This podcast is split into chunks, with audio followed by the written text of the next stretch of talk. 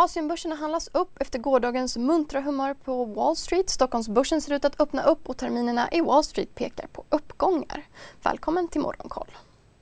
Tokyobörsen stiger nära 3% likaså Kospi-index i Sydkorea. Börserna i Kina och Hongkong är stängda för högtidsfirande.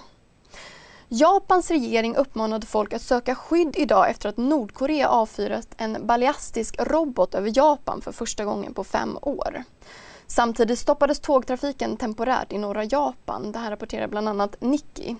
Den nordkoreanska roboten verkar ha flugit över och förbi japanskt territorium och regeringen uppgav att den inte vidtagit några försvarsåtgärder för att förstöra den. Det här får försvarsaktierna i både Japan och Sydkorea att rekulera uppåt. Under morgonen har vi för övrigt fått in japanskt KPI för Tokyoområdet som steg 2,8 procent i september jämfört med samma månad förra året. Australiens centralbank överraskade investerarna genom att höja räntan med halva den förväntade takten, vilket fick landets valuta och obligationsräntor att falla, det här rapporterar Bloomberg. Räntan höjdes med 25 punkter till 2,6 procent. Över till Storbritannien där landets finansminister Kwasi Kwarteng ska påskynda publiceringen av hans plan för att minska landets statsskuld i ett försök att lugna marknaden efter hans skattesänkningspaket. Enligt Financial Times förväntas han publicera sin rapport tillsammans med officiella prognoser senare i oktober. Så till USA där börserna efter veckor av nedgångar stängde upp. Breda S&P 500 steg 2,6% och tekniktunga Nasdaq 2,3 Uppgången kan ha att göra med det svagare inköpschefsindex som presenterades under gårdagen som kan indikera ekonomisk avmattning. CSRD, ännu en förkortning som väcker känslor hos företagare. Men lugn, våra rådgivare här på PWC har koll på det som din verksamhet berörs av.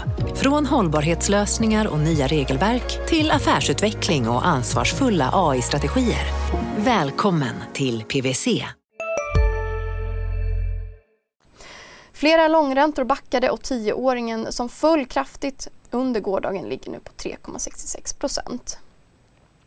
Historiskt har oktober varit en bra månad för bitcoin. Tidigare år har kryptovalutan ökat i snitt 25% under höstmånaden enligt Bespoke Investment Group.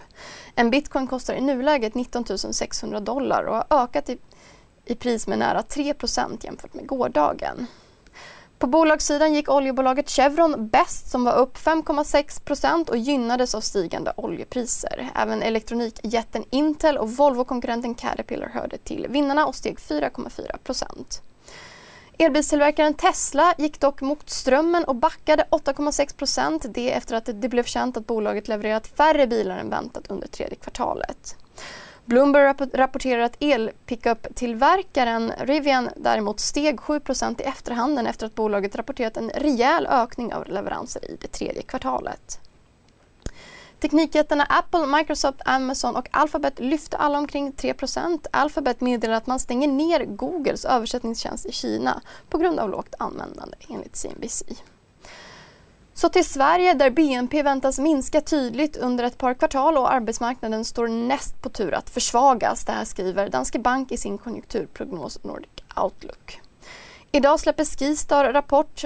VD Stefan Sjöström kommer till Börsmorgon för att prata om den. Sen har poddföretaget Acast kapitalmarknadsdag och så får vi producentpriser från euroområdet. Slutligen inleds huvudförhandlingen i Stockholms tingsrätt mot Swedbanks tidigare VD Birgit Bonnesen. Hon riskerar sex års fängelse för att ha vilselett kring penningtvättshärvan i Estland.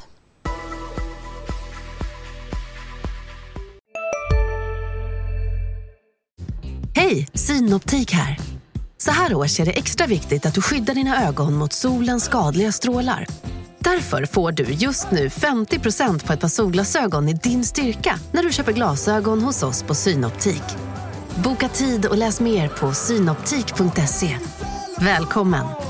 CSRD, ännu en förkortning som väcker känslor hos företagare. Men lugn, våra rådgivare här på PWC har koll på det som din verksamhet berörs av.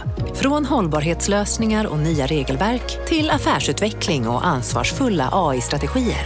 Välkommen till PWC.